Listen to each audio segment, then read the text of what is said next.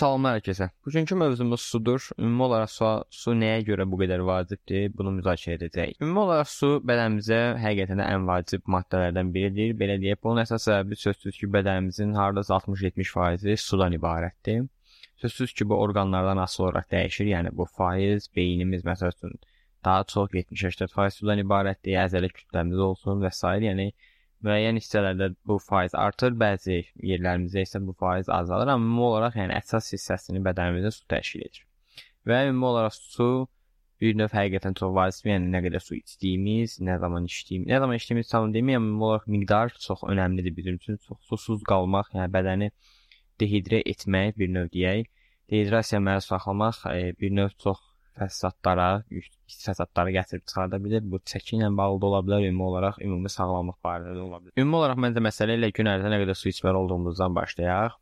Bu haqqında sözü hər birimizi eşitmiş ən azından 2-3 litr deyil gündə, amma bu çox da konkret bir rəqəm deyil, çünki gün ərzində olan aktivliyimizdən asılı olaraq tələbimiz çox arta bilər.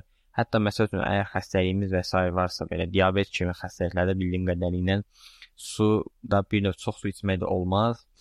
E, bundan başqa, məsəl üçün idman edirsinizsə, sözsüz ki, daha çox tərləyəcəksiniz və idman etmirsinizsə də belə daha çox tərlədiyiniz bir gündə belə məsəl üçün 200 litr su sizə bəs etməyəcək. Yəni ümumi olaraq su ehtiyacımız gündəlik aktivliyimizdən, gündəlik işlərimizdən asılı tamamilə arta bilər. Azalmasın, yəni 2 litr, 3 litrdən daha az su içmək artıq bir növ neqativ haldır. Yəni 200 litrdən aşağı saxlamayaq, amma yuxarı sərhədini də çox da üst litrlə saxlamamaya bilərik. Məsəl üçün bundan başqa kreatin dediyimiz, yəni idmanda kreatin ə, qəbul edirsinizsə, hansı ki bədəndə müəyyən qədər su tutur, əzələlərdə daha doğrusu. Bu zamanda daha çox su içməyiniz sizə faydalı olacaqdır. Ümumi olaraq bədənə daha çox su vermək çox zaman daha yaxşı nəticə verir. Bunun əsas səbəbi odur ki, məsəl üçün bədənimizdə su tutması, ödəm dediyimiz, yəni artıq təki üzümüzün şişməyi və s. çox vaxt belə olur ki, əgər biz az su ilə təmin etsək bədənimizi, bədənimiz sahib olduğu suyu özündə saxlamaq istəyir və buna görə də bir növ həmin suyu bədəndən atmır.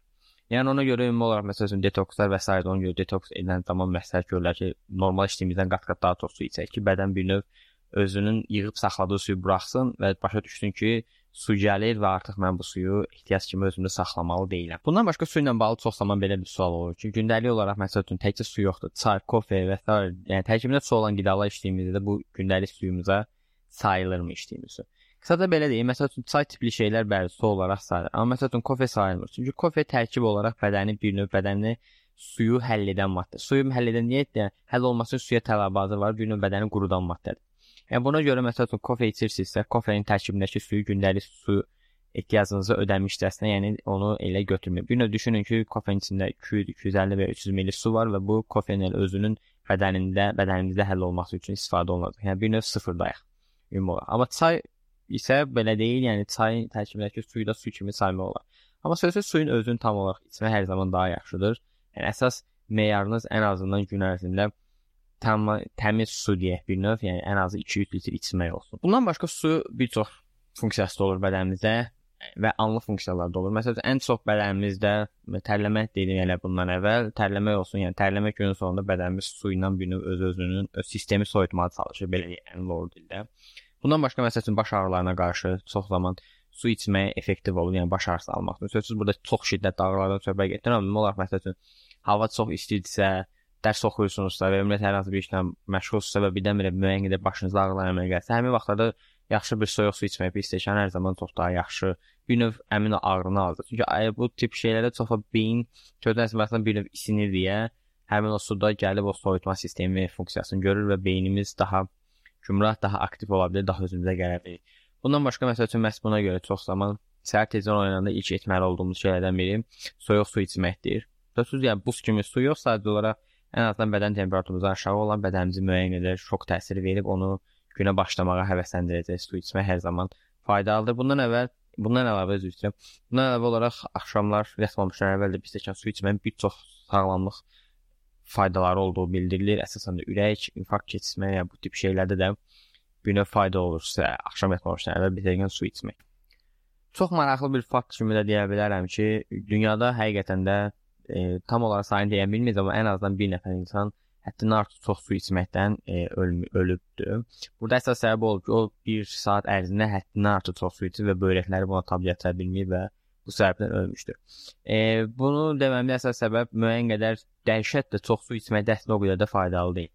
Yəni sözsüz ki, burada hər hansı bir idman yarışına və s. hazırlaşırsa, bir podiuma çıxacaqsınızsa və s. bu tip vəziyyətlərdə toxlaman günlərdə 5-6 litr bəlkə də ümumi olaraq idmançılar toxlaman bütün günlərini də su ilə keçirlər. Amma yəni, normal bir insanın məncə üst limiti artıq əgər çox həddən artıq günlərdə tərləyib və s. etmirsə, çox da 5 litrdən artığına keçmə mənası yoxdur artıq. Yəni bir növ bədənə o qədər də əziyyət də verməyə ehtiyac yoxdur. Yəni əsas odur ki, tələbatını ödəmək, ən azı 3 litr, 2 litr, 3 litr su içmək, əgər aktiv həyat tərzini yaşayırsa, bu limiti 4-ə qədər çıxartmaq.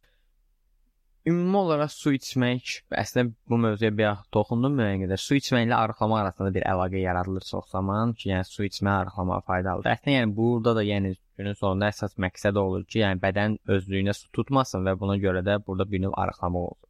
O su detokslar da və s. də günün sonunda hamısı ödəm atır deyə, yəni bədəndə olan yığılan artıq suyu atır deyə bədəndən günün sonunda müəyyən qədər bir neçə kilo itirə bilirik. Amma yəni birbaşa çox su içim, arıqlayım deyə də tam bir elədir məntiqdə yoxdur. Yəni günün sonunda su sadəcə kalorisi olmayan bir içkidir hansı ki, sözsüz ki, gün ərzində məsəl üçün içdiyiniz şəkərli içkiləri, bu Coca-Cola olsun və s. başqa olsun, bütün bunların hamısını su ilə əldə etsəz, sözsüz ki, daha kalori açlığı yaranacaq üçün gün ərzində daha az kalori alacağınız üçün normaldan e, bu bir növ dırnaq arası dolayı yoldan sizə araq açmağa faydalı olacaq daha çox su içmək. Ümumiyyətlə onsuz gün ərzində əgər ümumi olaraq arıqlamağa çalışırsınızsa, heç arıqlama çalışmaqdan da əlavə sağlam qidalanma çalışmaq üçün də tərkibində şəkər olan həm qidalardan, həm də əsasən də sulardan mütləq və mütləq uzaq durmaq lazımdır. Bundan başqa sudan aclığımızı, aclıq hissini yatırmaq üçün sudan istifadə edə bilərik. Yəni çox aclığınız anlarda su içmək müəyyən qədər aclıq hissini yatırdıra bilər. Sözü ki, dəhşət aclısızsa artıq yəni həqiqi bir aclığınız varsa, bu hissi yatırdırmayacaq uzun müddət. Amma ümumi olaraq səhər tezdən məsəl üçün oyandıqda gələn yalançı aclıq hissi deyək buna, bunu su ilə yatırdırmaq mümkündür. Bundan əlavə olaraq su içmək üçün qətiyyən susamağınızı gözləməyin, çünki bəzi insanlar həqiqətən çox az su içir, məsəl üçün 1 litr falan su içir və çox zaman elə olur ki, həmin insanlar gün ərzində susamırlar, yəni su ehtiyaclarının olmadığını düşünürlər, amma yəni susam, su içmək üçün susamağınızı gözləməyin. Əgər gün ərzində planlı şəkildə içə bilmirsinizsə 2, 3, 4 litr su Bunun üçün bir çox e, e, proqramlar vardır. Yəni telefonunuza yükləyə biləcəyiniz, hansılar ki, sizə müəyyən vaxtlarda məlumat verəcək ki, gedib su için, yəni bildiriş göndərəcəklər və bu da bir növ sizin planlı olaraq ərzində ehtiyacınız olan suyu bir növ bədəninizə təmin etməyinizə kömək olacaqdır. Bu epizoddan da bu qədər. Məni digər sosial platformalarda izləməyi unutmayın. Bunun üçün bütün ehtiyac olan linklər həm podkastın öz açıqlama hissəsinə, həm də bu epizodun açıqlama hissəsinə yerləşdirilmişdir. Linklərdən daxil olub həm podkastımızın Instagram, Facebook və digər platformalardakı profillərini görə bilərsiniz, həm də həmçinin mənim öz şəxsi profillərimə də çıxış əldə edə bilərsiniz. Özünüzə yaxşı baxın hələ.